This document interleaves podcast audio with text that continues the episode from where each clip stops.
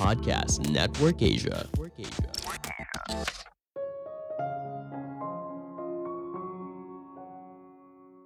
Cerita yang menarik akan membuat konsumen memahami produk apa yang kamu jual. Halo semuanya, nama saya Michael. Selamat datang di podcast saya, Sikutu Buku. Kali ini saya akan bahas buku Building a Story Brand karya Donald Miller. Sebelum kita mulai, buat kalian yang mau support podcast ini agar terus berkarya, caranya gampang banget. Kalian cukup klik follow Dukungan kalian membantu banget supaya kita bisa rutin posting dan bersama-sama belajar di podcast ini. Buku ini membahas bagaimana cara membuat cerita yang bagus untuk menjelaskan usaha atau produk apa yang kamu jual. Setiap orang pada dasarnya suka cerita yang menarik. Cerita memiliki peran penting dalam hidup manusia. Dengan cara yang tepat, kita bisa membantu konsumen dalam memahami apa yang kita jual saya merangkumnya menjadi tiga hal penting dari buku ini.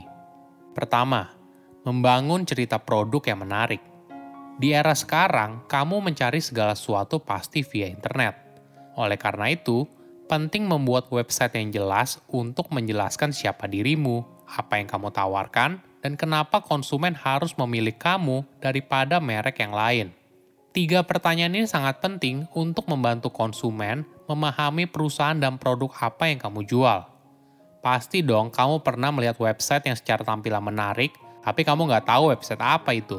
Nah, kalau sudah begitu, konsumen bisa dengan cepat langsung pindah dan cari website lain yang sejenis. Penulis menawarkan kerangka pikir untuk membuat sebuah cerita bagi perusahaan atau produk kamu dengan menarik. A character has a problem and meets a guide who gives them a plan and calls them to action that helps them avoid failure and ends in success. Artinya, seorang karakter memiliki permasalahan dan bertemu pemandu yang dapat memberikan mereka sebuah rencana dan mendorong mereka untuk melakukan sesuatu untuk mencegah mereka menemui kegagalan dan berakhir sukses. Ini adalah kerangka pikir dalam buat cerita yang menarik. Sebuah cerita pasti dimulai dengan tokoh utama, Nah, tokoh utama ini adalah konsumen. Coba cari tahu siapa mereka, apa yang mereka inginkan. Cerita biasanya dimulai dari apa yang diinginkan oleh tokoh utama, lalu sepanjang cerita berisi perjalanan hingga akhirnya kita tahu apakah tokoh utama mendapatkan apa yang dia inginkan atau tidak. Jika sudah, maka langkah selanjutnya adalah menemukan masalah. Tokoh utama berada dalam masalah dan produk atau jasa yang kita tawarkan akan membuat hidup mereka menjadi lebih baik. Fungsi kita adalah sebagai pemandu. Kita bukanlah tokoh utama, namun kita punya peran penting dalam memastikan tokoh utama yaitu konsumen kita untuk menyelesaikan masalah yang dia hadapi. Jangan lupa juga, penting agar kita bisa memastikan kalau konsumen harus segera mengambil tindakan agar masalahnya bisa diatasi. Hingga akhirnya, tindakan yang konsumen ambil dapat menghindarkan dirinya dari kegagalan dan berakhir pada kesuksesan.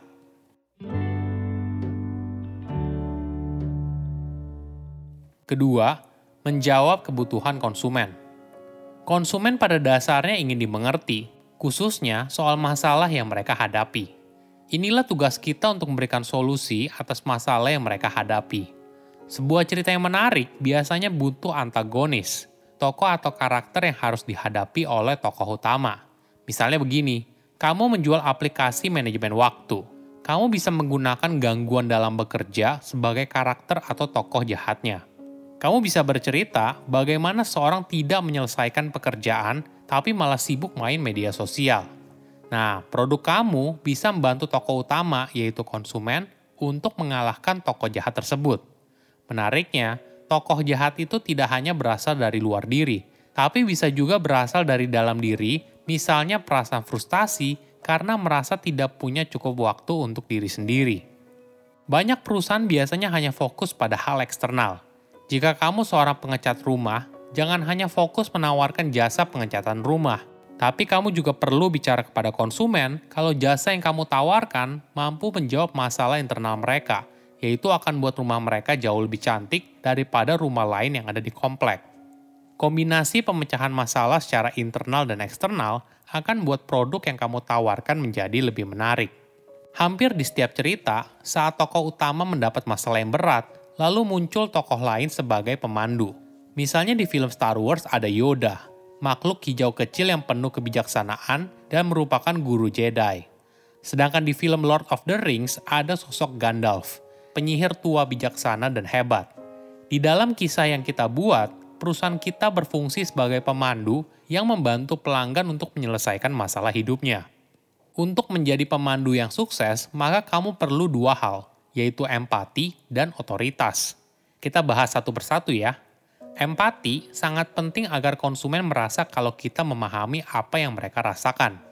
Ini juga merupakan dasar untuk membangun kepercayaan dengan konsumen.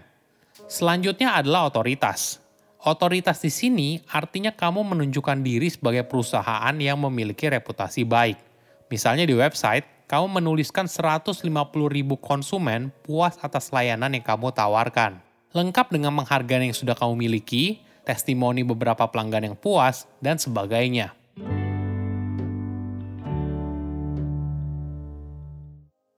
Ketiga, mendorong konsumen untuk membeli. Ada perspektif yang menarik. Coba ingatkan konsumen apa yang terjadi apabila mereka tidak membeli produk yang kamu jual. Pada tahun 1979, ekonom perilaku manusia Daniel Kahneman menerbitkan sebuah makalah tentang apa yang mendorong seorang untuk membeli. Dalam makalah tersebut, secara umum, kerugian jauh lebih menyakitkan bagi kita daripada kegembiraan karena mendapatkan keuntungan. Sehingga, rasa kehilangan dapat digunakan untuk mempengaruhi proses pengambilan keputusan calon konsumen.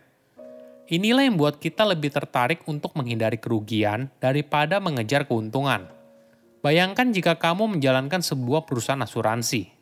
Inti dari asuransi adalah untuk menjaga dari potensi kerugian. Jadi masuk akal untuk menjalankan kampanye iklan yang menampilkan kerugian yang mungkin kamu alami. Lalu kamu menunjukkan bagaimana perusahaan asuransi kamu akan melindungi konsumen. Tadi sudah dibahas, kita memberitahu konsumen kerugian apabila tidak membeli produk yang kita jual. Nah, kita juga bisa memberikan perspektif yang berbeda, yaitu bagaimana produk kita bisa mengubah hidup konsumen atau memberikan nilai tambah dalam hidup mereka. Misalnya yang dilakukan oleh Nike. Perusahaan ini tidak hanya menjual sepatu atau perlengkapan olahraga yang berkualitas, namun Nike berbicara soal gaya hidup yang penuh dengan inspirasi dan pencapaian yang besar. Bagaimana caranya? Ada tiga strategi. Pertama, status. Apakah kamu pernah melihat film di mana pemeran utama yang awalnya cupu tapi ternyata berakhir menjadi pahlawan yang keren. Narasi ini menunjukkan perubahan status yang dialami oleh si pemeran utama. Hal yang sama juga bisa kamu lakukan dengan cerita produkmu. Jadikan produkmu sebagai sebuah status yang bisa memberikan kebanggaan bagi konsumen. Kedua, menjadi lengkap. Buatlah sebuah cerita di mana produk kamu akan melengkapi hidup konsumen. Misalnya, kamu menjual sabun cuci piring Ceritakan bagaimana produk kamu bisa membuat piring konsumen menjadi bersih dan hidup mereka jadi sempurna. Ketiga, pencapaian potensi diri. Strategi ini tidak bercerita kalau produk kamu sempurna atau produk kamu bisa membuat konsumen menjadi sempurna. Namun produk kamu bisa membantu konsumen menerima dirinya dan mencapai potensi di dalam diri. Misalnya kampanye Dove yang berjudul Dove Real Beauty bertujuan untuk membangun kepercayaan diri dalam wanita dan gadis muda kalau mereka itu cantik. Konsumen hanya membeli produk yang mereka percayai. Cerita yang menarik akan membantu konsumen memahami produk yang kamu jual. Saya undur diri, jangan lupa follow podcast Sikutu Buku. Bye-bye. Pandangan dan opini yang disampaikan oleh kreator podcast, host, dan tamu tidak mencerminkan kebijakan resmi dan bagian dari podcast Network Asia. Setiap konten yang disampaikan mereka di dalam podcast adalah opini mereka sendiri dan tidak bermaksud untuk merugikan agama, grup etnik, perkumpulan, organisasi, perusahaan, perorangan, atau siapa pun dan apa pun.